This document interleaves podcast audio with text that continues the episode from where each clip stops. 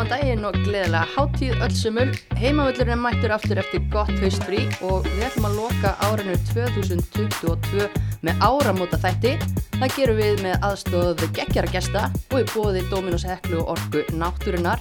Það er gríðarlega reynsla mætt í hús, mörg, landsleikir, geggju, fögn og sætir sigrar, ég veit ekki hvað og hvað. Við erum að tala um kempurnar Guðrúnu Jónu Kristjánsdóttur, Helinu Ólastóttur og Kristrúnu Lilju Daðadóttur.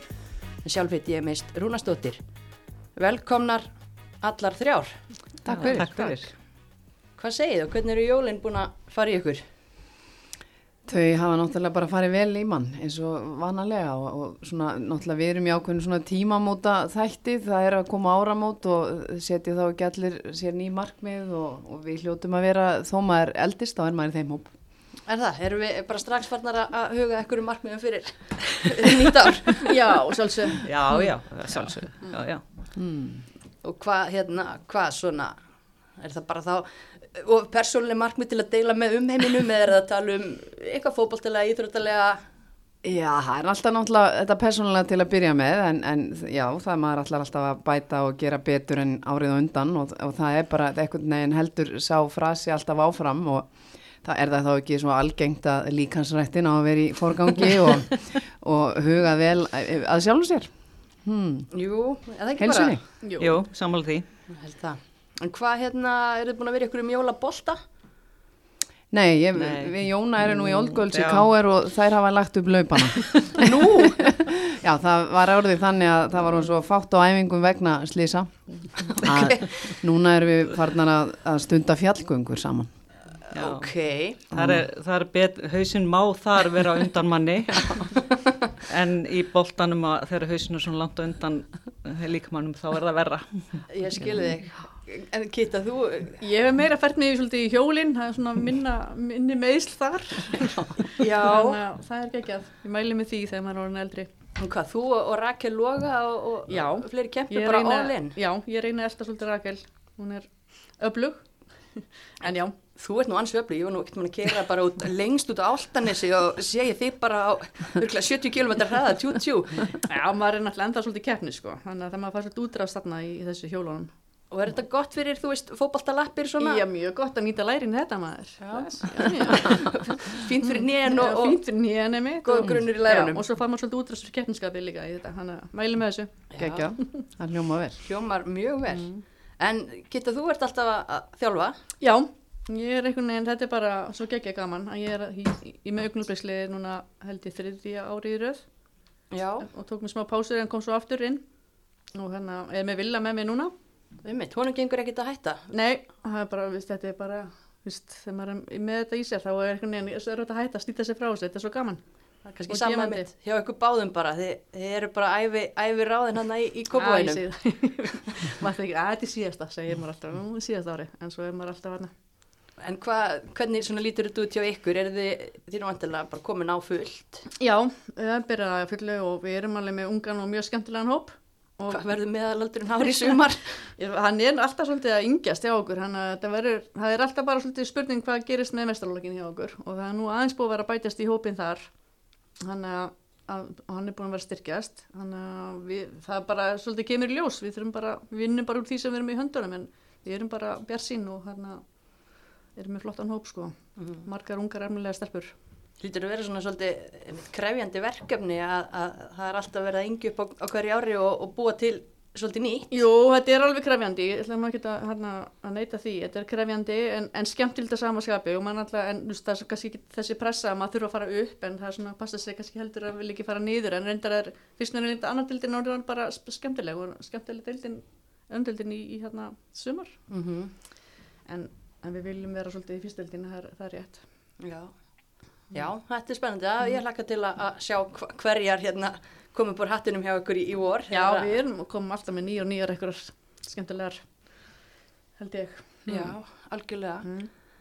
Helena, þú ert náttúrulega fullu að fjölmiðlast. Það er kryddsíld á morgun og veit ekki hvað Já, hvað. það er sportsíld á, hérna, á, já. gamlánsdag og hérna, náttúrulega getum ekki skýrt okkur eftir frétta fólkin okkar en jújú, jú, svo bara bestu mörki næsta sumar lítur allt út fyrir það og, og það, ég hef reynd að vera að þjálfa með því, það gengur ekki. Og, og hérna alltaf ekki að gera þau mistök aftur að, að festa mig í því. En ég viðurkenn alveg að mér hefur aðeins svona það hefur kvarlað að mér að fara í yngri flokkana. En já, en það er einhverju en hefur ekki orðið en þá. Ég veit ekkit hvort það verður hreinlega og ég veit ekkit hvort ég mun þjálfa eitthvað meira. En það verður bara komið ljós. Það er bara, það er allt opið. Þú veist, maður veit aldrei maður getur verið látin fara hér og þar og, og maður kann það alveg Já. þannig að það, ég ætla bara að leifa þessu að, að já, koma allt í ljós bara með þetta. Eitt er víst að verður alltaf einhver fótbolti í, í kringu þig, sama hvernig, Já, ég hef ekkert einhvern veginn losna, hann hef ekkert svo sem vilja losna við hann en hann verður alltaf og ég held að hann, já, muni alltaf vera því að svo er maður bara líka eins og við rættum nú hérna fyrir hennan þátt fylgist vel með öllu sem er að gerast og það er svo mikið að gerast í kvennaboltanum út í heimi, hann er hann líka sínilegri fyrir okkur og mér finnst það svona, það er náttúrulega rosalega gaman fyrir okkur bæði sem störfum í þessum fjölmjölabrans og líka bara þeim sem er að fylgjast með og við sjáum það, ja, þið sjáum það náttúrulega hér á heimavellinum að stelpur eru, eru með fyrirmyndir þó það sé ekki íslenskar og, og það er bara svo geggjað eins og þessi mistardeild að við sjáum hvað er að gerast og við sjáum uh, falla met eftir met af fólki sem að er að fylgjast með. Ég held hvað fórum við upp í 90 eitthvað þúsund þegar Barcelona var að spila. Og við sáum það á EM það var met uh, fjöldi sem mætti á leik og þetta er bara eitthvað sem að þú veist, maður fekk næstu í gæsahúð þegar maður heyrði þessa tölur því að það hefur náttúrulega verið lenska hér að tala um að enginn hafi áhuga á þessu og enginn enn á völlin og nú er það bara farið hættum að tala um það er það ekki komið tími til? Já, Já. Samanlega þessu, Jóna?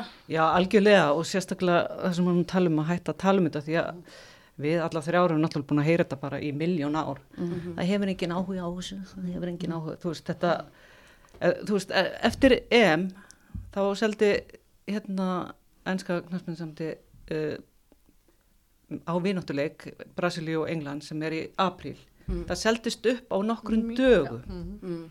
þú veist, þannig að veist, það er áhugi og það er mjög mikill áhugi þannig að þetta er bara spurning um að koma þessu framfæri og, og, og koma þessu fram og hafa áhuga á því að gera. Akkurat, það er, já, frambúð eftirspurn og, Já. og allt þetta. Ég held að hljóti nú að hérna, við séum öll loksins vöknuð. Mhm, ég held Já, það ég og ég held meiri sé að fyrirtæki sé að vakna og átta sig á því að, að það er gott að setja pening í þetta, þetta er líka allt svolítið nýtt og er svona nýtt fyrir okkur öllum að þetta sé svona vinsælt og, og, og það er náttúrulega frábært því að þegar eftirspurni verður meiri þá vilja uh, fyrirtæki stór setja peningin á það og það mun hjálpa uh, þessum kvennabolta eins og við köllum hann alltaf. Er já, Til Algjörlega. bara orðin skemmtilegur og, og hraður og góður fótbolti Mm.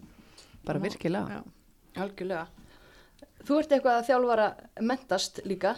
Já, ég hérna ákvaða að skella mér í Júfa Pro núna, þannig að ég er bara uh, í því núna. Já, hvernig, hvernig er það?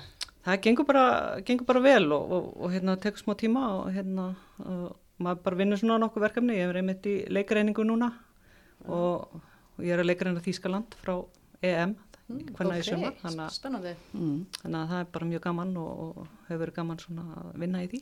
Já, einmitt og þetta er náttúrulega mjög krefjandi þannig að þú ert vantilega að fara alveg á góða, góða dýfti í þessari verkefna vinnu og, og öðru. Já, já, algjörlega. Það, þú veist, það er, það var HM náttúrulega kalla en, en ég vildi endilega fá leikreina frá EM hvenna. Akkurat, það enda já, margir magnaðar hlutir í, gangi, gangi þar en það er bara frábært að heyra að þið er í Júfa Próf. Hún beta er með þessa gráðu eða ekki, er Spitt Gunnarsdóttir og Helena? Já, já, ég fór í þetta, í- að klára þetta í vor og, og hérna og fannst það engin spurning að, að finnst að þetta var í bóði og, og þá kannski syndin að vera ekki að nota en auðvitað nýtist þetta í mínu starfi og, og svona þannig að, að þetta bara, það er alltaf gott að svona uppfæra sig hva, í hverju sem það er Já. þannig að, að hérna svo sjáum við til hvort þetta nýtist að, að alvöru eitthvað tíman. Já, einmitt, en það, það, þið eru þó tvær íslenskar Er ekki þetta garða sig þessu núna? Edda Garðars líka og hérna Margrét Magnús. Já, þið eru þrjára að taka þetta núna Já, og tvær búin að taka þetta Mm. frábært því að einmitt, það er bara við viljum alltaf fá fleiri konur í þjálfun geta, já, skildir í þetta ég og ekki? þetta eftir og hérna, þetta er spennandi, ég ætla að fá að fylgjast með Jónu núna í þessu og hérna fylgist aðeins með helunni í fyrra þannig að en ég ætla að vona að þær tvær finni nú þjálfarúlpun sín aftur af því að við þurfum að halda í, í þessum stelpur og í þjálfun Það ekki? jú, við hefum ekki missa neitt út þar Nákvæmlega. Sammála því, en hérna, hvað segið þið? Árið 2022, það er bara, er að líðundi lok. Já. Man finnst að nýbyrjað, en það er bara ekki þannig. hvernig svona, þetta er nú ekki fyrsta fótbolta árið ykkar eins og við höfum komið hér inn á, en hvernig er svona ykkar tilfinning svona í lok ás? Bara svona almennt gagvart fótbolta árinu. Hver vil byrja? Já, ég, þetta var nú svona svolítið upp og niður held ég bara svona um, ef við tökum bara íslensku deildina þá hefur hún aldrei verið jafnari þannig séð og, og mjög óvænt svona í, í lokin og hérna og, og svona en, en var svona tvískipt út á EM og, og svo ef við tökum landsliði EM, jú maður var svona mm, þetta er, við vorum nálagt þessu en ekki nóg nálagt og svo myndi ég segja virkileg vonbreið að hafa ekki komist að HM líka. Það var svona vonbreiðin fyrir mér. Já. þannig að hérna já, þetta var svona gott en ég hefði viljað sjá meira. Já, þetta, á þessu ári. Súrsætt svona. já, súrsætt. svolítið. Maður er svona svolítið, þegar maður horfir á það tilbaka þá er maður svona svolítið söktu með að sjá ekki Ísland á HM til dæmis Mhm. á næsta ári. Já, ég tek undir það að, að hérna eins og á EM náttúrulega við vorum þar og, og hérna svona ákveðin vonbrið að vinna ekki leik og, og ákveðin vonbrið spilamennskan fannst mér á köplum uh, sóknarlega, ég held að flestir hafi verið sammála um það að halda bolta og annað slíkt en það er nú búið að marga ræða það um, svo er náttúrulega þetta háum um spil sko náttúrulega sekundu brotum frá því að, að gera þetta fræga jafntefli við Holland sem við þurftum en En þá flættist leiðin og við, þetta blessaða umspil sem enginn skildi og, og, og, og hvernig það eiginlega gætt komið svona út að við enduðum á útileik í Portugal. Náttúrulega skilur enginn. skilur enginn og eftir þennan árangur og, og hérna það voru ákveðin vonbriði og við vissum alveg að það er þið erfitt, það er ekkert sjálfgefið að vinna svona umspil en, en við náttúrulega eins óhefnar og hægt var að vera að, að missa mann af velli, það er bara ójöf barátt á sérstaklega í framlengdu leik en svona já, landsliði bara pínlítið vonbrið en deildin, já, ég er sammála Jónu, góð deild og, og hérna náttúrulega eh, jafnari að mörgu leiti, botslagurinn spennandi og toppslagurinn kannski ekki eins og ég held að það er muna miklu um það að blikarnir gátt aldrei stilt upp eh, ákveðnu byrjunarliði. Um, stjarnan kemur síðan skemmtilega óvart með því að taka annarsætið algjörlega á lokametrónum mér fannst líka fyrsta deildin líta vel út og svona gaman að fylgjast með henni og önnudildin ég, það er svona það var, ég fór nú ég sá, að ég sá nú Skagan spila við Káir í byggar en það er svona það er margt í gangi þar og, og önnudeldin svona kemur með nýtt flæði í þetta þetta er bara, mér finnst þetta jákvætt. Já, ég sammála, það er þessi, með landsliðir maður ræða það alveg, með svona, það er alveg smá vonbreið að bæði U17 og 19 hafa fallið um styrkleikaflokk og ég held við þurfum aðeins að skoða, við þurfum að skoða hvað, hvað við getum bætt okkur, við erum að missa þjóðir sem vorum að vinna eh, fyrir nokkur langt fram úr okkur. Og þetta er eitthvað sem við þurfum að skoða og það er alveg verið rætt. Og hérna einmitt úslutikefninu annartildinni bara var mjög spennandi. Og voru bara þarna fjögur, fimm lið sem gat, öll gátt að fara upp. Og náttúrulega fylgdist náttúrulega var svolítið náttúrulega mikið í fyrstild, í fyrstildinni þannig að það var hérna alveg skemmtilegt og svo kannski einmitt fast að koma aðeins svolítið óvart hversu miklu yfirbyrju vals, valstelpunar höfðu í bestu deildinni. Mhm. en það var svolítið það verður smá gaman að sjá að við förum í þess að hérna, nýju úrslitakefni næsta ári eða 6 efstu hvernig þetta mun þá þróast Já, einmitt. Það, það verður áhugavert. Já, það kom vel út í annar deild fyrir sko top 6 liðin eða var ekki, jú, en, en það var náttúrulega mjög erfitt vantala og ég skilja vel fyrir liðin sem voru að sinna að spila leiki sem skipti í engum máli og voru bara ándýrir svona eiginlega æfingaleikir Mhm. af því að já, fyrir neðri hlutan af annar deildinni en það voru gaman að sjá hvernig það kemur út í bestu. Já, ekkert að því að prófa og, og Mhm. prófa og þróa og finna þetta eru náttúrulega fleiri leikir. Já, mm Þú veist, það er það sem Lengra að hefur svolítið vantað hérna. Já. og vonandi fleiri sterkari leikir ef maður má Já. segja það þannig. Þú veist, þú veist, þá eru top 6 að spila og, og svo, svo bot 6 þannig að, þannig að eins og botbararna var til dæmis í bestöldinni síðasta sumar að þá væri nú spennand að sjá þegar að, emitt í, í svona úslita keppni hvernig það myndi enda sko. algjörlega, algjörlega. Algjörlega. Þannig að já, það er margt eftir. Heyra, ég heyra svona á ykkur að þetta er svona, já, súr, súrsætt svolítið og, og eðlilega bara. Það voru náttúrulega mjög mikla væntingar einhvern veginn fyrir þessu ári. Til dæmis landslýs árið ef við spólum tilbaka, eh, þegar við sátum hérna fyrir einu ári, við höfum aldrei farið inn í spennandi fótbolta ár og jú, tristum ég, það var spenna taugarna voru þandar sko hverja sekundu sem að þetta landslýs spilaði en ah, endar alltaf á einhverju svona nefahöggi í magan Já, sammála því og þetta var virkilegt högg því að, að mér fannst það í raun sko á EM við spila best í leiknum sem ég átti ekki vonaði að við myndum ná að spila best, það Já. var á móti svona. en kannski voru vombriðin ítaljuleikurinn Mm og, og svona að við skildum ekki sína meira þar og, og, og já, ég held að er breytingar sem að Steini gerði þarna á móti frökkunum hafi skilað sér og, og náttúrulega algjör hausverkur að stilla upp þessu landslið, ég get alveg ímyndað með það en, en, en svona, mér fannst við, þá, þá komum við óvart og það sást kannski svolítið í háum umspilinu hvað Karolina Lega er á hann stór. Já, Já. og mikið væg Mm. Mjög mikilvæg og við söknum hennar alveg svakalega mikið. Já. en talandi um það náttúrulega bara frábæra fréttir í hvaða síðustu viku hún er snúin aftur, tekur mínútur hérna í meistaradildinni halleluja Já, Já. ég býði sko.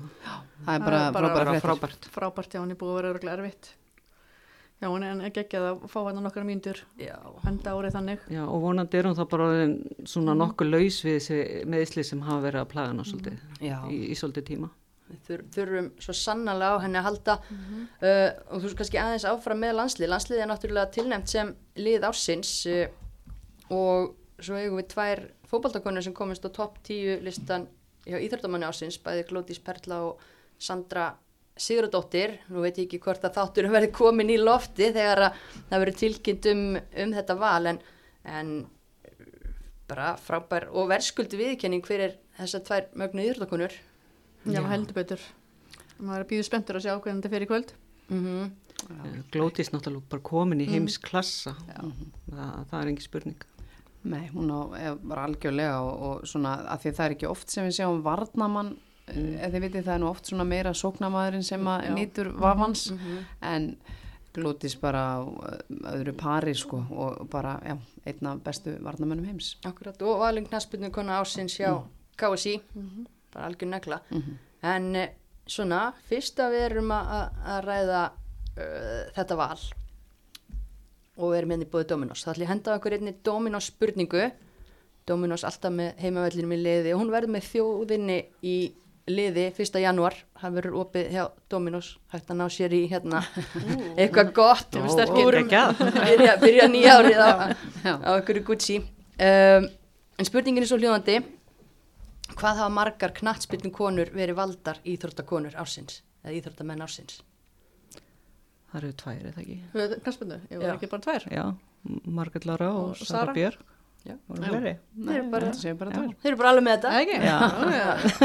Má ekki reyna ómingið heldur á kollir svona í lok, loksumars en, Nei. Um, Fáum við þá frýtt á að já, bara ekki, ekki nokkur nokkur spurning, ekki það að það er nú svo góði dílar hjá þeim að tekur þið ekkert að vera bjóða ykkur ykkur frí písur sko. Nei. en uh, árið, já, súrsætt ef við horfum út í heim þá náttúrulega eh, hafa aldrei verið já, slegið, slegin fyrir áhórunda með það er verið að fjárfesta íþróttinni svo vorum að ræða hérna áðan. Fjölmiðla umfjöllun stöðut að aukast, það er verið að sína frá miklu fleiri leikjum, fleiri deildum og bara áhugin stöðut að aukast og maður sér það bara hvert sem er, er litið. Þannig að við hljótum að- að fagna því sem, sem gríðalum bara já, ekki, ekki hápunti ársins en, en jú, bara hápuntum ársins. Allt, allt sem er að gerast, þessi vöxtur. Já, ég held Já, að ekki við spurning. allar sammálum það sem eru náttúrulega búin að vera í þessu síðan 80 og eitthvað. Og hérna að þetta er náttúrulega alveg gríðarlega mikið liftistöng fyrir, fyrir bara hvenna boltan og, og mikið, eins og þú segir, mikið búið að vera í gangi náttúrulega talandum EM, ég meina enska liðið heitlaði mann mm. þvílíkt og það er engin smá nagli að þjálfa. Og hérna og menn tölinu um að hún myndi jáfnvel taka við enska kallalansliðinu því að hún þykir það góð og þeir myndu tristin held ég þannig að það er ekkit alltaf sem að við heyrum það. Nei, nei og, og fyrir okkur sem að vorum hérna að spila og gáttum veifa mamma og pappa upp í stúku að sjá allt í einu, þú veist England, Tískaland fyrir fullum vembli þú veist, maður fekk bara gæsa hóð það er ekki það, það, er, það, er, það er svona þýlikum munur að sjá það voru sko. svolítið svona mómentin í, í þessum erlendabólta að sjá þetta allt. Það er þess að geggjað. pökkuðu velli. Já, Já, og gaman líka bara að sjá okkar konur fá tækifæri til þess að taka þátt í þessum, þessum gæsa þú momentum minna Sveindísi meistaradeildinni til Já. dæmis bara á, á Camp Nou, Camp og Nou, já. hvað 90 manns? Já, það er nú ekkit leiðilegu völlur að að vera á. Hvað þá fullur. Akkurat þannig að þetta er ekki bara eitthvað sem er að gerast út í heimi heldur eru bara þeir segi við bara Ísland, íslensku fótbolti bara svo- stór þáttakandi í þessu öllu saman. Já, við erum bara með. já. Já, og það er að aukast hérna rosalega mikið líka bæði áhundur og bara, og bara vakningin er, a, er að koma upp. Já, Júfa var veit með þennan góða skýslu eftir, hérna, eftir EM og það sem að margt kom það gott í ljós eða framhjáðum. Mm. Vistu þess að til dæmis að þáttaka í græs rótar fótbolta og samfélagsleg áhrif eru tveir af sex flokkum sem niðurstu skiptast niður fyrir og það var að segja sko að skilningur á knaspindu hvernig hefur aukist um 84% áhörunda á EM eftir EM sumar. Dæmis, þannig að við þurfum að nýta okkur þetta. Já, og þetta var ekki bara á EM, svo Mm. bara fór ennska deildin líka í gang, og, já. og, þú veist, uh, það var Arsenal, Manchester United spilaður á Emirates Mhm. og, og það voru yfir 40.000 áhundur. Þú veist, þannig að uh, liðin eru farin þar líka að fá að spila á sem stóru völlum og þau eru að fylla þessa, svona nánast fylla þessa. Mhm. Þannig að, og eins og Lea Viljámsson sagði bara fyr, degi fyrir úsletaleikin veist, þetta er ekki eitthvað eitthvað vegferð núna sem að við klárum í þessum úsletaleikum út í Þýskaland á morgun þetta er vegferð sem er bara byrjuð og þetta er bara veist, önnur þriðja stoppistöð í þessari vegferð og svo höldum við bara áfram fulla ferð og, og já, það, það er ennþá blúsandi fullferð og nú það bara passa að sopna ekkert á verðinum og halda bara áfram. Alveg á miljón uh, ég verð að viðkynna þú veist eins og við horfum á deildina hérna heima uh, mér fannst ákveðin vonbriði sko að mætingatölunar okkar væri ekki að fylgja kannski með því sem er að gerast við annars staðar, sérstaklega eftir COVID loksins máttu við mæta. Okkur gerum við það ekki? Sko við erum aðeins verið að skoða þetta hérna hjá breyðablík og við, við erum svolítið að skoða hvort við þurfum að breyta jafnvel eh, bara þessa tímasetningu á leikjunum því það er annar markkópur sem er að mæta á hvenna fótboltan og meir kannski meir fjölskyldi fólk þannig. Mm. að hvort við þurfum að byrja leikina fyrr hafa fleiri leikjum í helgar þetta er eitthvað sem er aðeins einmitt velt fyrir okkur þess að fá fleiri inn á, á, inn á völlin að það er kannski ekki að henda mikið fjölskyldi fólki þegar leikin er að byrja veist, kortur yfir sjö. Upp á ungu börnin eða þannig. Allavega svona er eitthvað sem að við erum aðeins fyndi hjá, fyndi hjá okkur þetta, þessar svona þessar þörf allavega að kasta upp og skoða akkurat, En svo hefur þetta ekki engungu verið í kvennafókbaltanu, þetta hefur líka verið kallamegin að það er eins og fólk skilir sér, jújú, jú, það var mikil stemming í Kópói en það er gott gengið þar og velmætt á völlin, en ég held að sé sögulegu lámarki til dæmis á var og, og á kallalegjum þar þannig að, að svona, það er eins og menn kvörtu aðeins yfir því að, að við nefndum ekki upp úr sófanum eftir COVID og, og það er svona eitthvað sem að við þurfum að sparki okkur með. en það er einmitt líka, það var líka bara svona þáttaka í bæði á hlaupa mótum og hjóla veit ég mótum og svona þáttaka í þessum bara einmitt mingaði, eftir, eftir, við erum ekki náðu okkur alveg á fulla ferð aftur eftir COVID þannig að það er eitthvað sem við þurfum að vorum við bara á tenni kannski? Já, eitt, eitt Svo það. það er allavega minni þáttaka í svona flestu Eftir hvort þessi COVID nákvæmlega að genna eða hvort það sé eitthvað annað.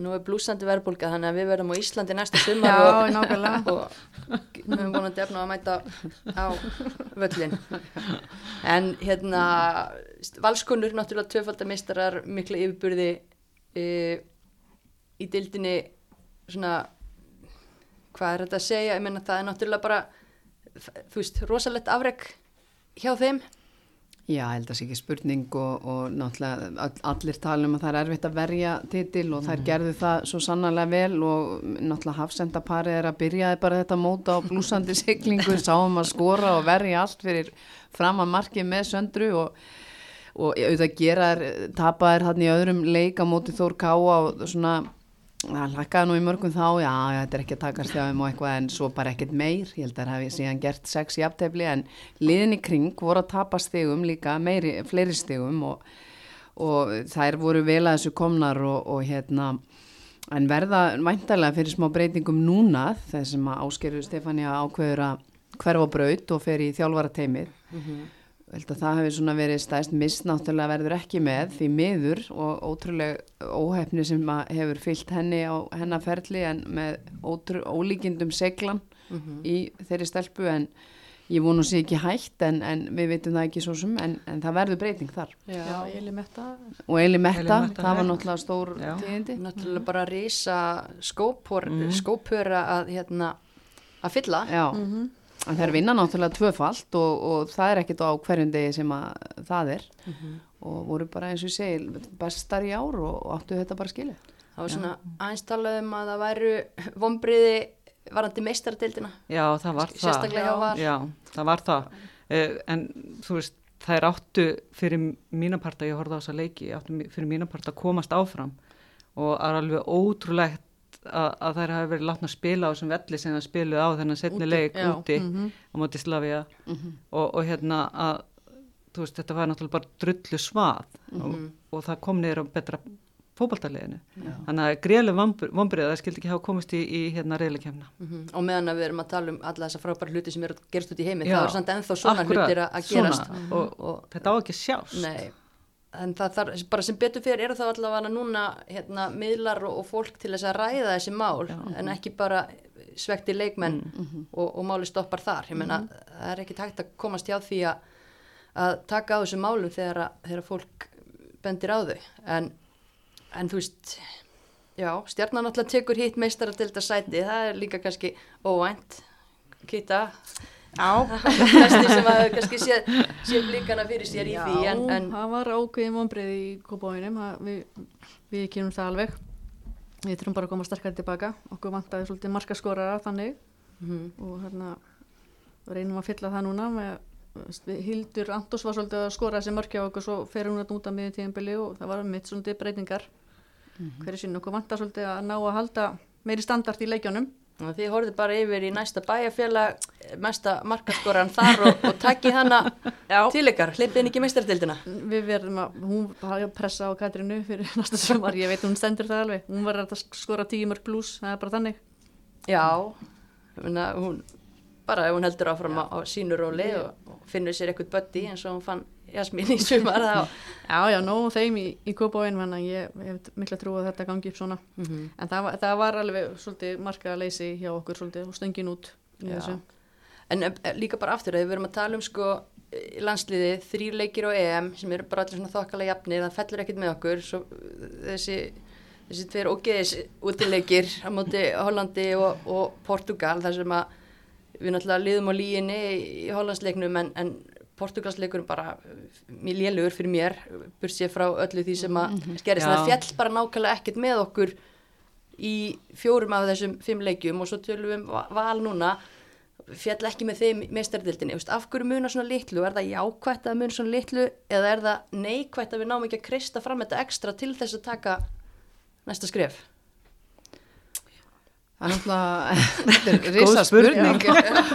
hérna, auðvitað, auðvitað hlýtur að vera jákvægt að vera svona nálætt þessu. Það er, Já. veist, við vorum ekki alltaf þar. En að því við teljum okkur alveg vera með mannskap í að íta þessum anstæðingum frá okkur þá, þá er það vonbrið að ég veit já, ekki. Já, sérstaklega bara þú veist að lítur yfir bara landslega að vera með það marga leikmenn í mhm. toppliðum mm -hmm. í Evrópu þannig að þá finnst mann við eiga geta gert betur mm -hmm. þannig að miða við allt það saman þannig að, jú, uh, gott að vera nálægt en ég er mjög svegt yfir að við skildum ekki hafa náða lengra ja. sko. Ég var vikinn að maður er eitthvað svona að sapna henni í áramönda þátt svo er ég að hugsa um árið og ég er eitthvað svona pyrruð Ég var svo pyrruð yfir þessum portugalsleik örgulega í tvær vikur eða eitthvað Já, sko. mér, fannst, bara... já mér fannst við nefnilega ekkit góðar fyrir það áður við mistum manna velli. Og, og það sem ég kannski áhugjur af er kannski, eru þessi sóknar að þetta okkur vandi þess að að því að ég, það er náttúrulega alls ekki að hjálpa okkur núna að Berglind er ekkert að spila Elimett er hægt, við áttum alltaf eina Margreði Láru sem að gatt bara sett fyrir okkur mörg og það er einhvern veginn, við höfum ekki fundið þannig leikmann ennþá. Og ég, ég held að það sé svolítið sem við erum að leita. Það er ekki spurning, við erum búin að vera svona skora flestu mörkinu okkar, það eru flestu leikadur en það er alltaf ekki nóg. Mm Algjörlega.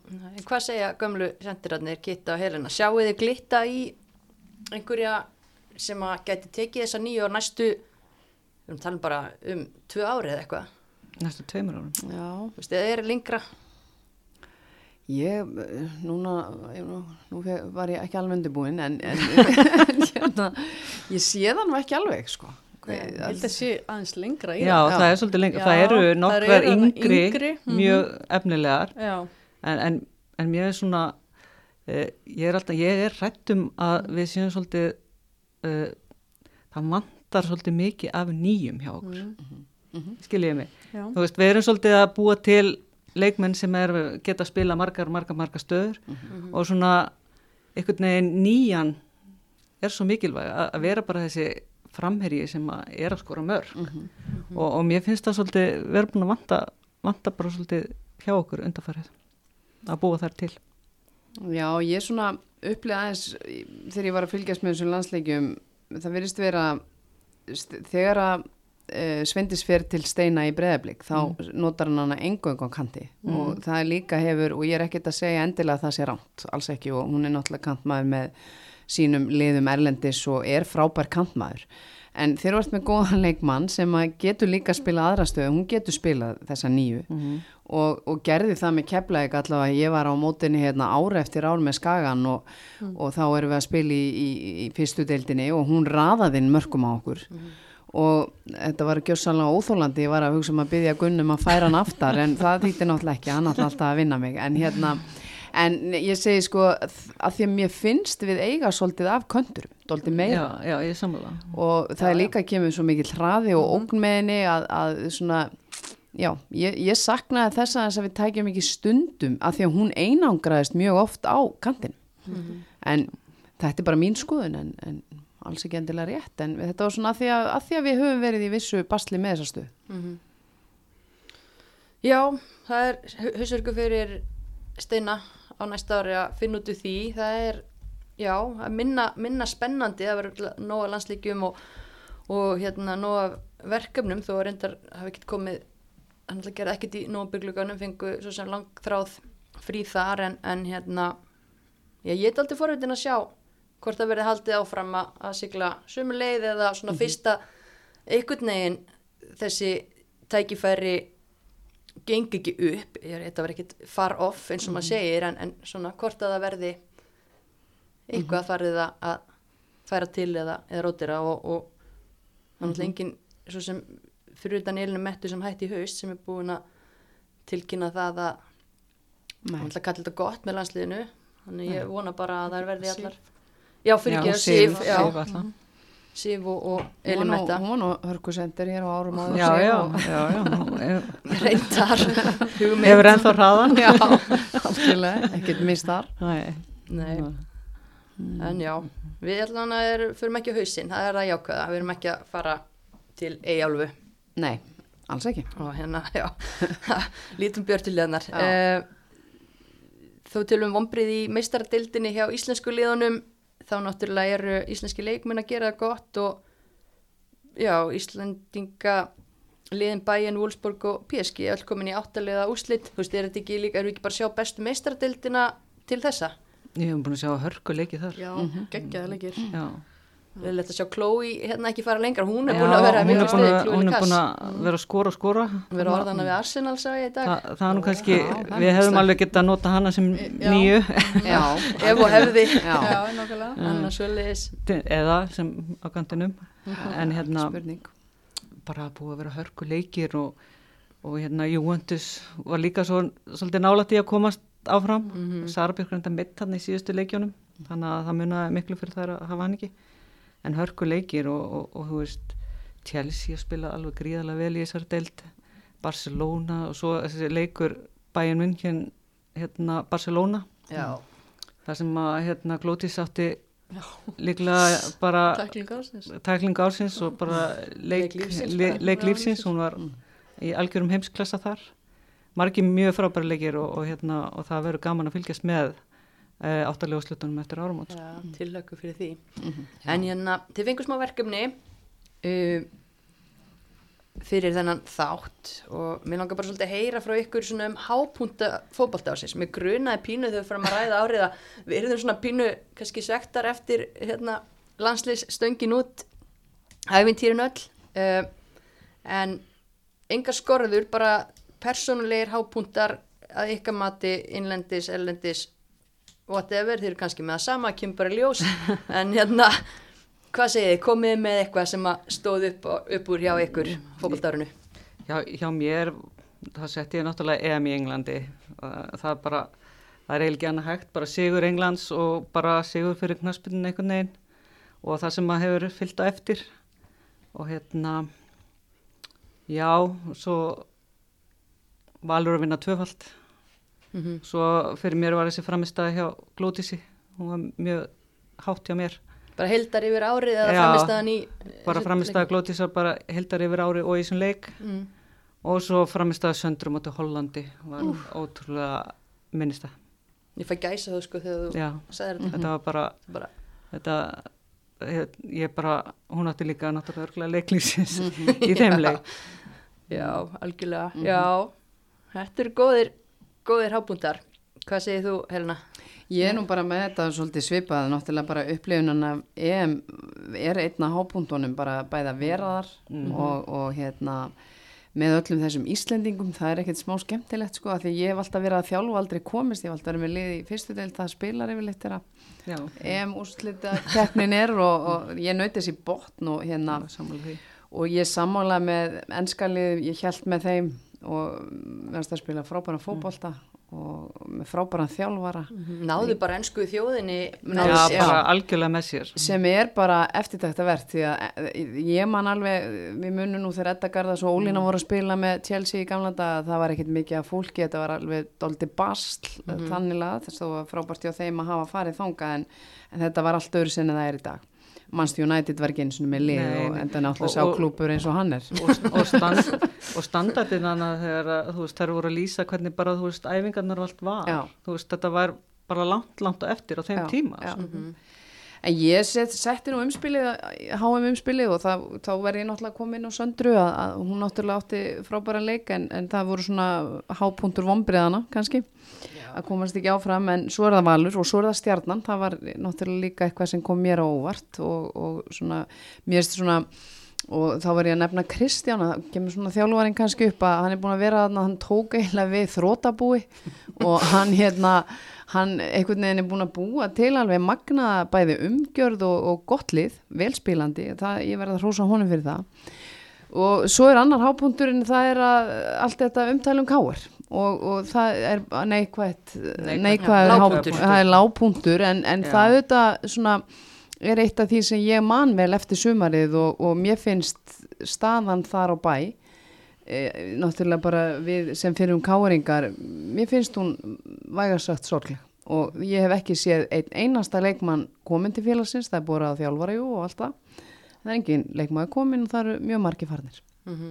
og það er, Sorglegt. Þetta, þetta veldur okkur miklu mágjum. já, það er eiginlega bara þannig þannig að það er svona, en svo annað það er FO, ég verða að nefna það Já. ég er svona gríðarlega vombrið í fyrra komast ekki upp svona með mjög naumum hluta að, að því sögðu en, en hérna ég hef einhvern veginn trú á því að haffyrringar sé að, að fara að gera einhverjar gera einhverjar skemmtilega hluti. Mikill metnaðar, leggja meiri peningi í þetta og sjá og ég veit að þeir að sér að komast í meistardeildina því þeir sjá alveg það er, það er stutt ánga já, þar með er ég búin. Það er með þú búin, já, já þetta er þetta er þín, Kita erum, við erum greinilega bara svona svakara líkara því að ég var með EM náttúrulega líka.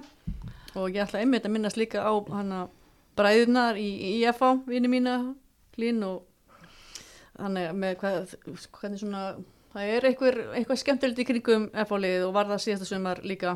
Við varst þar alveg með langbesta liðið. Þú ert eftir að sakna þeim Já, ég ætla að sakna þess að tuði ekki hans í lín og liðalínni, skal við ekki ná það? Já, já, en þú bara ég finn mér einhvern annan sem tuða við. Já. Já, það fyrir létt með það. Maður mannsta Já, en það var um þetta og svo einmitt með með val og, og söndru og glótísi ég, þetta er bara nákvæmlega sögum punktar. Ég er að reyna að finna ykkur nýja þess að vera ekki eins og það er en það er, þetta er bara staðreind það þarf ekki að finna um pjólið og, og það væri náttúrulega bara mjög skrítið ef við myndum ekki alla nefna hér EM, þú Já. veist að þetta var bara stærsta móti til þess að við tökum þátt og stuð og stemning alla leið og, og frábær fótbolti út um allt, þannig ég held að það sé bara alveg alveg eh, bara En Klárlega. ég tek undir líka með, við sko áhyggjurnar með, með Vesturbæin, það er, er, er að sorglegt að við fyrir að missa stórlið út, út hjá okkur sko. Þannig ætla að vona að sé eitthvað að fara að gerast þar. Já, Já, og maður svona veltir fyrir sér sko stöðunni K.R. gróta í sömu Já. deild. Mhm. og, og, en nú er náttúrulega komið regla um það að liði í efstu deild Karla verða að hafa meistarflokk hvenna þannig að því ég sá jável fyrir mér að gróttan bara tæki yfir þetta starf. Mm. ekki það, ég veit ekki um það en ég svona hugsaði með mér geta þessi tvö lið verið í sömu deild? Því að þetta er svolítið skilt en og gróttan svona kannski já, komið sterkinn en ég veit það ekki en, en þetta er svona áhyggjafni en ég trúi ekki öðrun að Vesturbærin snúi þessu við og, og svona það er metnaður í þjálfara teiminu og annars leitt Já, já, ég meina, svo er það líka bara þannig að, að þessi mál koma upp og eru rætt og rætt bara af hreinskilni frá fólki sem er innanbúðar og það ekki til. Það er ekki einn segja mér að, hérna drullið sér í gangi í vesturbænum. Þetta er út um allt, en hérna bara mis, mismiklu leiti og það þegar að fara að ræða hvað er í gangi í vesturbænum, þá kannski hísja menn og konur aðeins upp um sig brækurnar og, og reyna svona að koma í veg fyrir kannski að, að fara allalegið ruglið. Já, já, ég, maður sá nú líka sko eins og við sem eru nú inn á þessum KR síðum að fólki var ekki sama og er ekki sama og, og hérna og þá er bara að þrýsta sér líka bak við liðið og, og svona, en þetta kannski líka það góða við allt er að félögin eru með aðhald á sér og eins og við vitum að ef eitthvað kemur upp eins og náttúrulega gerðist á Káru Velli í sumar að vantaði í ími störfa að nú bara er, veist, þetta er bara eitthvað sem enginn líður og, og þú veist, það er eðlilega er fjallað um þetta og ég man nú að Páll kom í viðtal á mm -hmm. fréttadelt stöða tvö yfir þessu og, og það, þetta, svona stór klúpur á ekki að vera í, í þessu, það bara verið ykkur allt öðru sko. Sammála. Já, svo gaman að sjá hvort þetta fram sé að koma svolítið stert inn núna, maður veit það ekki, Mm -hmm. alltaf komið unnu annardildina.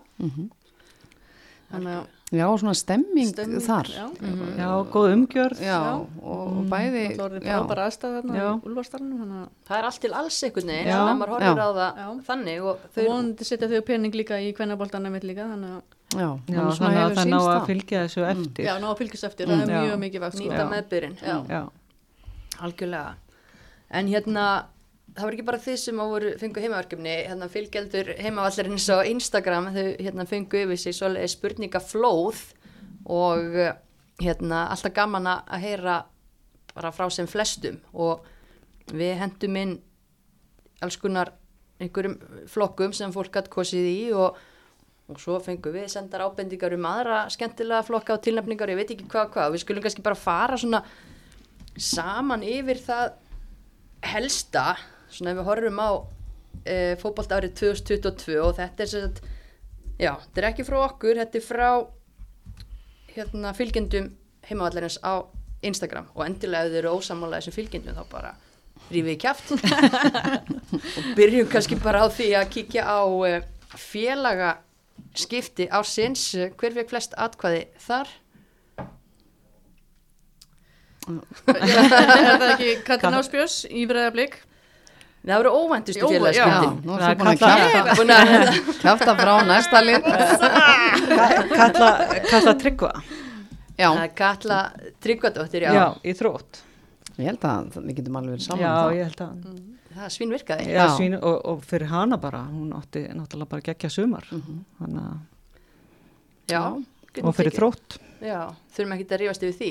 Nei, Nei, ég, já, samanlega En þá óvæntustu félagaskiptin og það ætlaði alltaf að, að springa, en það voru, voru tvenn félagaskipti.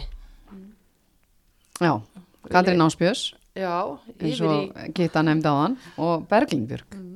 Það er, og ég er ekki tissa, manni brásóldi við þetta með Berglindi sérstaklega, það var undan, en Ég var rosalega hiss á Katrínu sko, ég held Já. að hana langaði að taka þátt í, hún er líka ekkit að yngjast sko, eða þið viti, ég er ekki að segja hún sé gömul, gömul góður, en, en eða þið viti. Já, ég, ég er samanlega mjög, veist það mjög óvænt að, að fara úr liði sem er í, í hérna, að fara í meistardildina.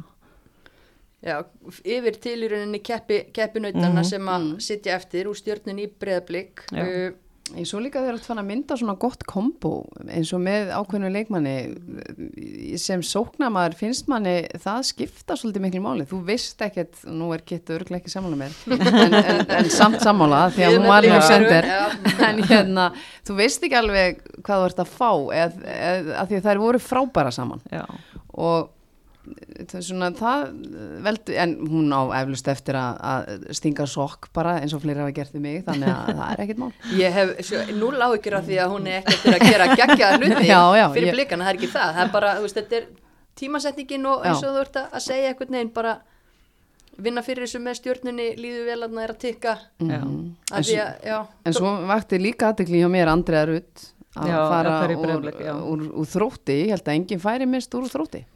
Ég skil ekki þessu Já, það kom mér líka óvart, ég Já. sammála því. Það var uh, frekar óvænt. Já, Já, einmitt. En Berglind Björgi í PSG það kom náttúrulega bara já, það var stórt, reysastórt. Stór félagskipti en því miður hefur hún ekki fengið neinn tækifæri þarna.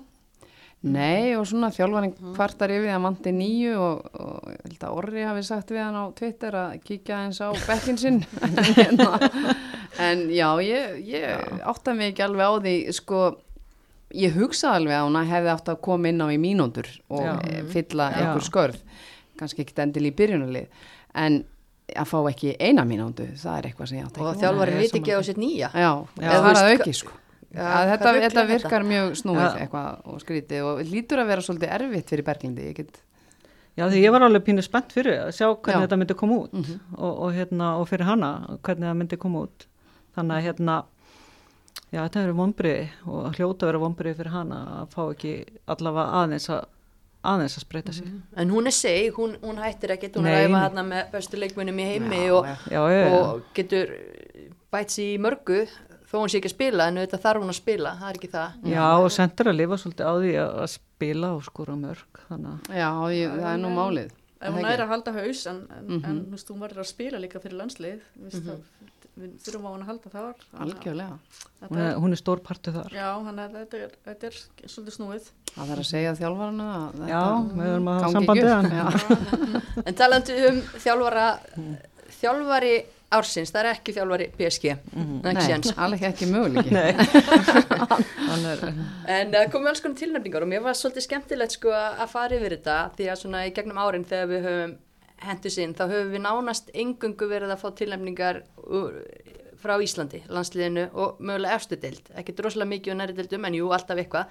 Það var mjög mikið af, af tilnefningum utan úr heimi í þetta skiptið og það sýnir okkur bara hvað hérna, við erum farin að fylgjast miklu betur með og, og, og uh, það er alltaf að stækka sviði sem við erum að fylgjast með. Þannig að þjálfari ársins og ég held að við getum ekki tekið það af henni, það er Sarina Víkmann sem að vann annað EM í rauðu þetta skipti með England. Já.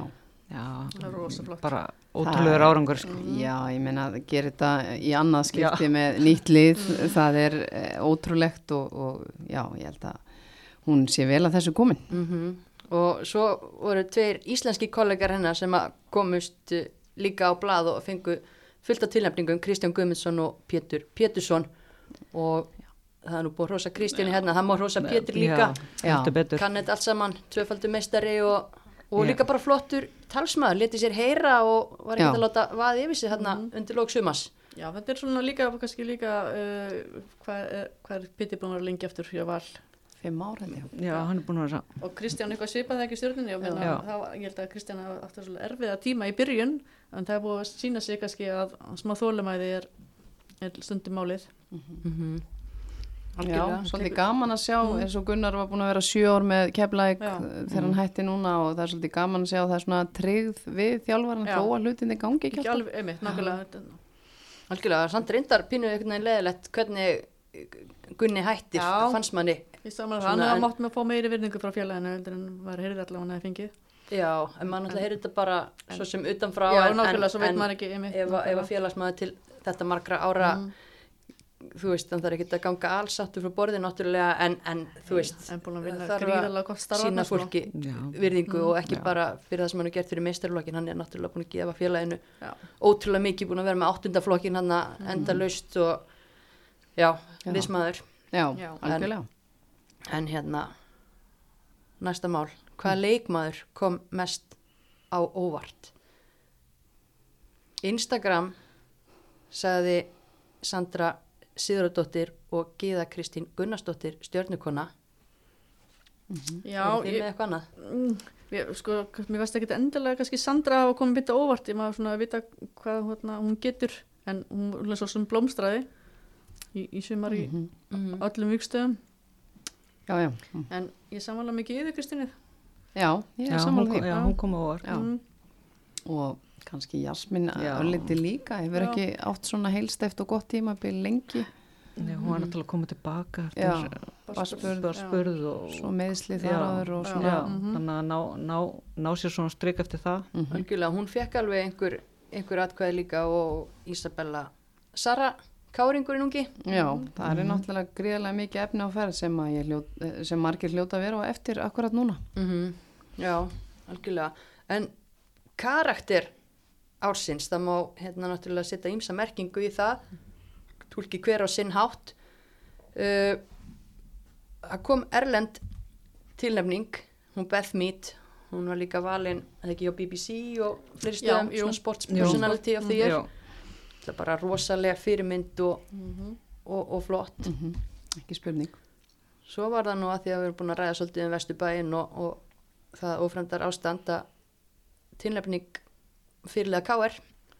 Já, það myndi ekki væntu það. já, e, er ótrúlega flottur leikmaður, já, og líka bara, karakter. þetta var bara ótrúlega flott viðtal við hana líka hana í, í lóktjum, eða svona undir lóktjómpansins.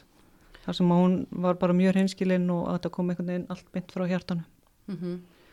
Rebecca Sverrisdóttir bara klárlega rísa karakter og þetta er ekkert auðvelt. Nei, Nei, það hafa ekki verið það. Nei, Og það þarf svolítið til að fólk fari þessa leið. Þetta veit ég líka að hafa örglega ekki allir verið sáttir við hana og ég hann hafa alveg fengið að finna það líka sko. En, en það má segja já að það er stór karakter. Við stöndum með henni og greinilega hérna, fylgjendur heimavallarins líka því að hún fekk fullt af, af tilnefningum sem karakterasins. Já, Þannig að, og ekki lígur heimavöllurinn. ó nei, mjög sjaldan. Nei. Og það er bara óvart ef það gerist. Já. En hérna, annar karakter sem að fekk líka atkvæði og mér finnst verðt að nefna Lára Kristín Petersen sem að gaf frá sér geggjaða bók, veruna í moldinni og hún er þar að opna sig bara upp á gátt og segja frá baráttu sinni við matafík, það er annað, það er ekki auðvelt heldur, Nei. en bara virkilega flott hjá henni. Já, Glæsilegt. Já, og glæsilegt tímabil bara sem hún átti að því að hún er svona kannski að vinna þessa ósynlegu vinnu Já. með val og þeir leikmenn fá ekki alltaf rósið en bara frábært tímabil hjá henni líka. Já, 100% bara geggjuð mm. Sokkur ársins hann er mikið rætt um sokk í, í hérna, bestu mörkunum í allt sumar fram og tilbaka frá Keflavík Já, já. hann er erfitt að líta fram í honum en, en hérna svo komum nokkrar tilnefningar sko varandi fram þeim var spáð bara svona í neða, fyrir neðan meðalag Mm. góðum árangri í annar dild en, en fljúa upp úr henni með glans Tróðu sokk. tróðu sokk, já og ekki bara að leifa fram og, og þér, Helena. Þú fann að sapna sokkur. Já, ég, hérna, ég spáði reyndar ekkit um aðra deildina en, hérna, en allavega sokkurinn endaði hjá mér, það er alveg ljóst hjá Keflæk Keflavík og sokkurinn. milli mín og Gunna. Hmm. þannig að þú, þú færð hann Já. hérna, e, leikur ásins það var bara mjög dreift er eitthvað svona sem stendur upp úr hjá ykkur Ég held náttúrulega, ég ætla nú að segja að það auðvitað úslita leikur EM frábær, Já, en, en frábær. ég ætla að segja Ísland, Frakland út á EM fannst mér frábær leikur og hérna, en svo náttúrulega bara hér heima margi magnaði leikir og, og skemmtilegir, ég svona mann samt ekki, þú mér finnist þeir allir magnaðir, þá mann ég samt ekki eftir nefnum sérstökum. Nokkri sem nefndu IBF Þór Káa markasúpuna sko Já, já. það Já, já. eitthvað, dæmis. ekki góðu fótbolti svo sem en Nei, fullt af Nei, mörgum nei. Mm. Eftirminnilegu náttúrulega að segja það, Já. er sem að svolítið, var svolítið sem að uh, var bilið á milli svo í lokin líklegast. Já, Algjörlega. Og svo náttúrulega verði ég, ég er náttúrulega svo mikið United manneski að ég horfði á geggjanleik Arsenal Manchester United fyrir stuttu Mm. á Emirates. 3-2 sigur á- í upp á tíma. Var það að koma þess Já, að, ég var að koma að þess að sko. já, eigum við þá að fara að ræða Liverpool eitthvað? nei, veistu geymum það. Já. skal hérna leiða ykkur að koma og taka upp sér það þetta mann í vor. Kannski kringum næsta leik þegar að Manju og Liverpool mætast. Og haft upphittun og Það væri gaman. Já. almennt tuð bara og skemmtileg hitt Mm. en hérna svekkjars ársins uh, já, Instagram talar um uppbúta tíman í Hollandi. Já, ég held að já. Alveg að taka undir það með Instagraminu. já, já, já nógum það við erum búin að tala nógum Það er erfitt að rifja þetta upp. Já, já, taka út hérna allar neikvæði flokkan í nenni ekki, hérna, get ekki mér uh, Mark ársins Ég dætt beintun á Karolínu, sko. Já. Já, já, sammála því, sko. Já, það var geggjað. Um, Instagram sagði það líka já, ok. Já, Ella Tún líka á móti Englandi.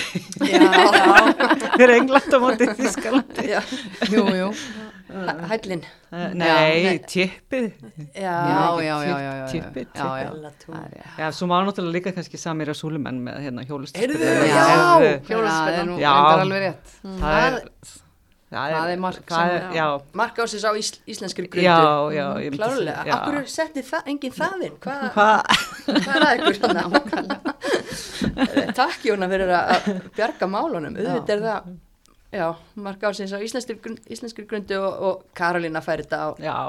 grundu. Það var það var alvöru, alvöru Mark. Það var geggja og geggja líka að vera á staðnum að sjá þetta mark. já, skemmt ekki fyrir. Nei.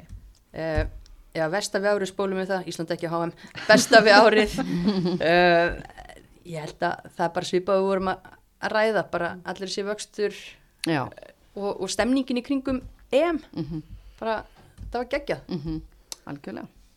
svo kemur eitt hérna uh, Veslun ársins það er sjálfsög heimavallar Veslunin Já, já, já, það er ekki Hulda og- og Þórun, búin að opna geggjað búð ótrúlega flott búið. Já, ég, 10 m- ekkert smá flott á Instagram, ég verða viðkynna, ég hef bara ekki farið að inn. Ég hafði engan til að gefa fótballtapeysu en, ég- kíkjur bara í bóta að ég er búin að kíkja á Vesla, Já, á krakkana. Já. Þannig að- Faxafenn Þetta- 10 bara Baksa 50, allir að bæta þetta er bara geggjað og, og bara það sem þetta er að gera líka. og- Bara takkstelfur. já, meira pakk. Flott. Og líka bara taka af skarið einhvern veginn og taka áhættuna. Já, Já. já, já, algjörlega Gekja. Ég vona bara að Hulda verði rík. já, ég líka. já byggjum byggjum fyrir því Við byggjum fyrir því. um, stuðningsmenn ársins Það var geggjur stemning á EM. Já, ekki? Já, vá. þetta, og tólfan, það Já. verður nú bara, þeir voru geggjaðir. Þeir eru frábæri. Og hérna, en svo eins og við sjáum hérna köttararnir, mér finnst alltaf einhvern veginn þegar er leikið í lögadalum lang skemmtilegast, það er bara stuð og stemmari. Þannig að ég, temmilegu vittlisisgangur og Já, almenn já. gleði, já, já, algjörlega eins og þetta á að vera. Mhm. Hmm. já.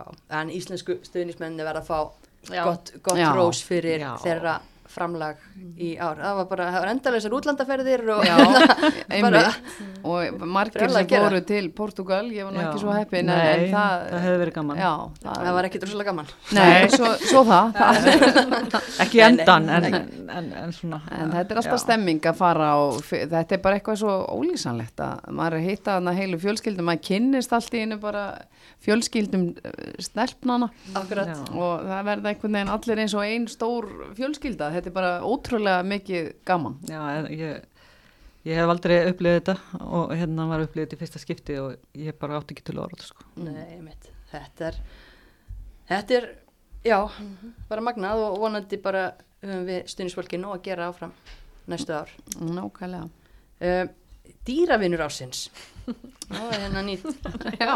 tilnefni sem kom inn uh, hún fer í laugadalinn Já, það kemur nú ekki óvart að eitthvað spauðilegt gerist þar. Hústýrakarinn er næstan ákveðinni og en já, Íris Dögg Gunnarsdóttir hún var ekki bara valin í landsliðið heldur bjarga hún líka málunum þegar að grágæs kom sér fyrir í varnalínu þróttar í hérna, lokamyndunum leik gegn afturheldingu, háspilna leik, Já. eftir þessu Já, ég man eftir þessu. já. Íris bara beint í máli, Já, já, toppkona já, já. alveg ár sem hún er eiga Var ekki lengi að bjarga þessu? Nei, nei, Nei, nei, og emitt eins og þú segir, flott ár hjá henni og kannski tók svona uppeyju kannski með það sem hún átti vona á því að það er nú ekkit, við höfum nú oft talað um það, ég held að margar keppnir þá vorum við alltaf með þrjá sömu markverðina, við vorum með Þóru, Guggu og Söndru og það er bara heldur sér ár eftir ár en svo þarna gerast koma tvær breytingar upp og Íris er alltaf einu bara eh, þessum stelpum gift úr fríum og inn bara. Og þetta er náttúrulega hlýtur að vera rosa gullrót fyrir Írisi sem að svona kemur nokkuð óvænt inn í þrótt mm og hefur bara staðið sér vel. Bara geggið, var íþróttamaður þróttar núna annað árið í, í röð. Já, ekki. og hérna bara búin að semja aftur, þannig að hún er bara hún er ekki klári, klári bátana, nei, nei, nei, nei, nei. Það er flott. Það er bara geggjað. Svo hérna var spurt um tvíegi ársins, það voru nokkuð skemmtileg tvíegi sem að koma upp. Uh, hvað kemur efst í kollinu á ykkur? Ég fer í Garðabæinn svolítið. já, Ég er svolítið kannski sókn á sinnu. Já, ég, og ég að taka varnapartin. Já, það- komið með að geta hvað tala um Ég hverjar, er Jas- Jasmín og Katrínu og hérna þá geðu kannski líka, var hún ekki?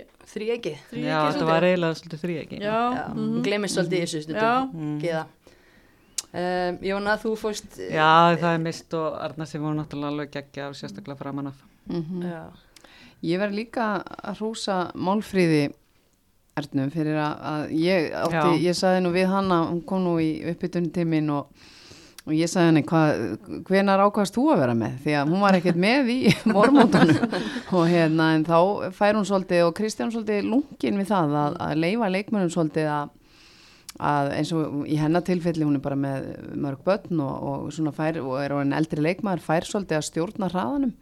Og allt í hennu var hún komið þarna í hafsendin hjá, hjá Garðabæliðinu með Önnu Maríu og þú Anna María Heil megnið að mótinu og, og það síndi mikinn styrk fyrir lið. Og gaman að Málfríður skuli bara vera í þessu önn því að hún er, var frábær fyrir stjórnuna mm, algjörlega gott tvíegi mm og öll eru þau góð, ég get ekki undir hinn Já, hin, já.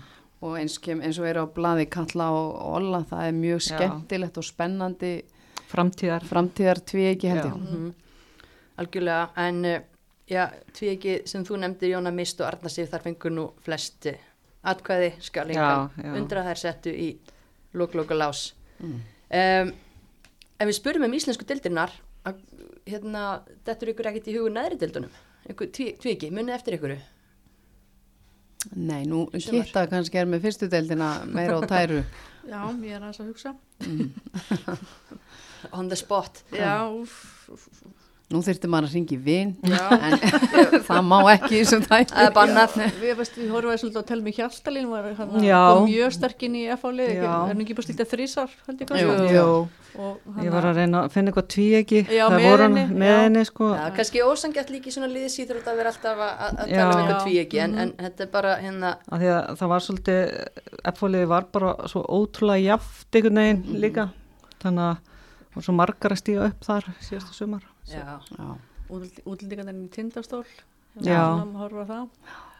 nákvæmlega. já, já, það er, það er fullt af þessu út, um, út um allt uh, Drullusvað ársins ég held að hafa ykkur reyðu bliki sendt þetta inn Það var alltaf bara mestan grínið þess sáleikur hefði farið fram mitt. Það verðum að vísa í Hásteinsvöll í, í mikilvægum leik eh, rók, rigning og drulla Og dröllu bara. Mm. Já. Já. Að Við verðum að setja bara þennan miða á til eiga Já, ég held að. Já, já, fallegasta vallastæði landsins notabenni, þannig að Algjörlega það bara viðrar stundum svoleiðis. Já. um, þið nefndu nokkur gæsahúða moment áðan, munið þið eftir einhverju sérstöku gæsahúða momenti bara persónulega? Það var svona Einn varsla hjá Söndru hérna svo við tölum um bara fyrir þættinum var náttúrulega geggjuð uh,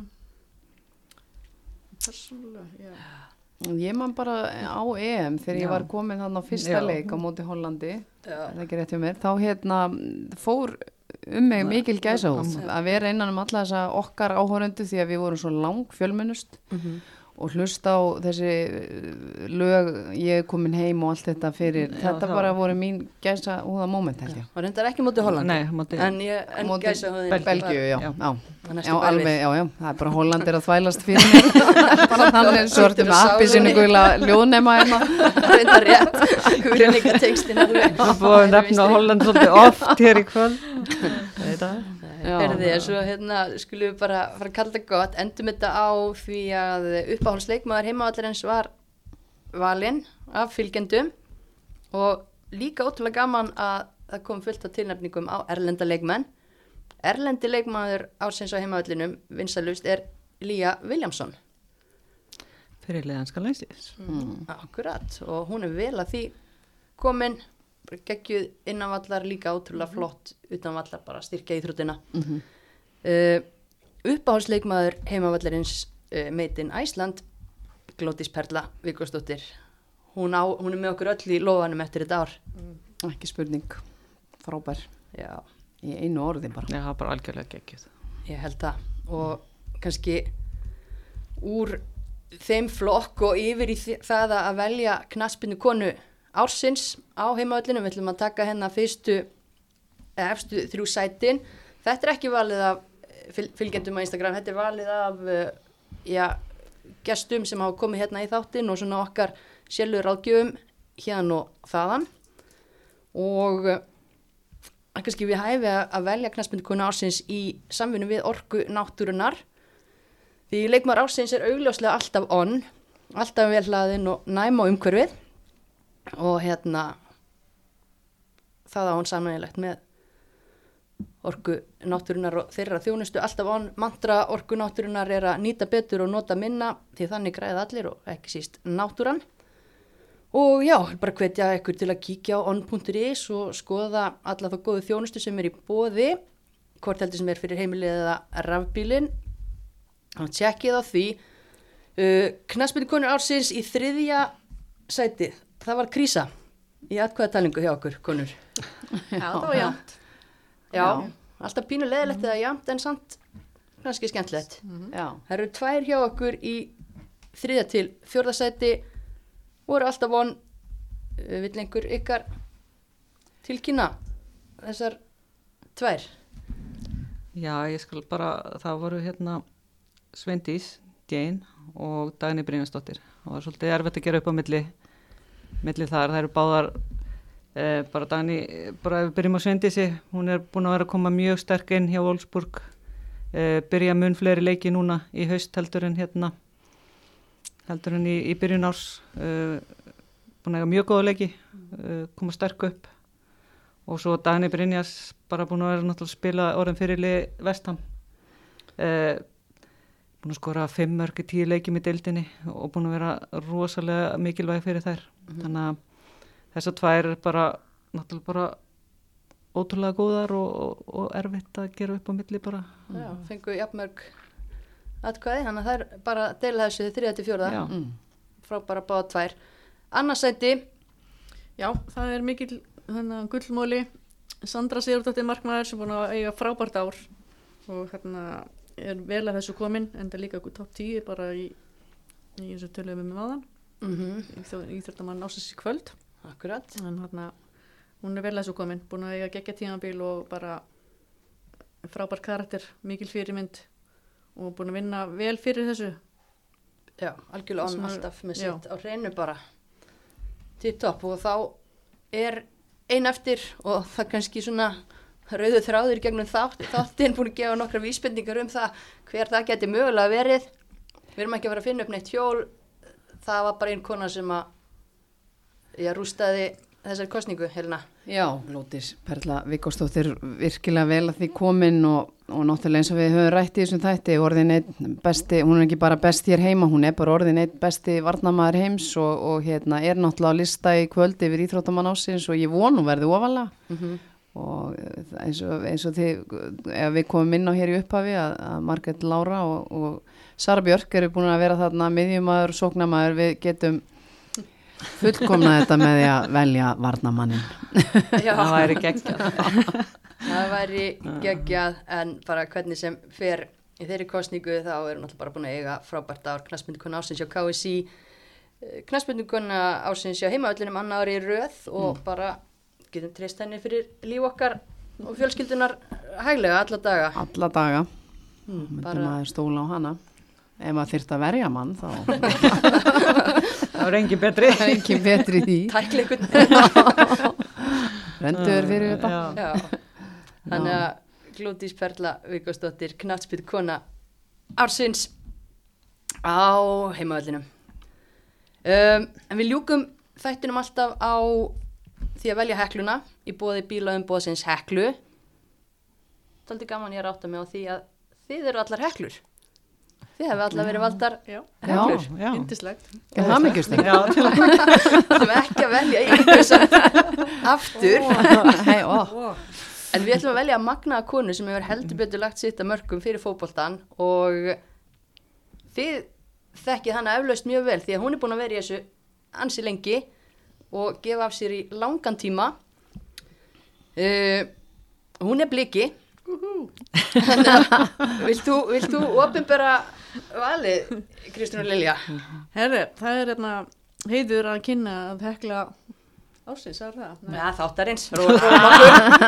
Má ekki, aðeins aðeins þetta Er enginn annar Ingiberg Hinriksdóttir vinkora mín A.k.a. Ingo. Ingo sko Já. Hún er svo sannarlega líka búin að vinna, vinna fyrir þessu. Ekki spurning. Bara alls konar félagstarf og búin að starfa í fjölmiðlum.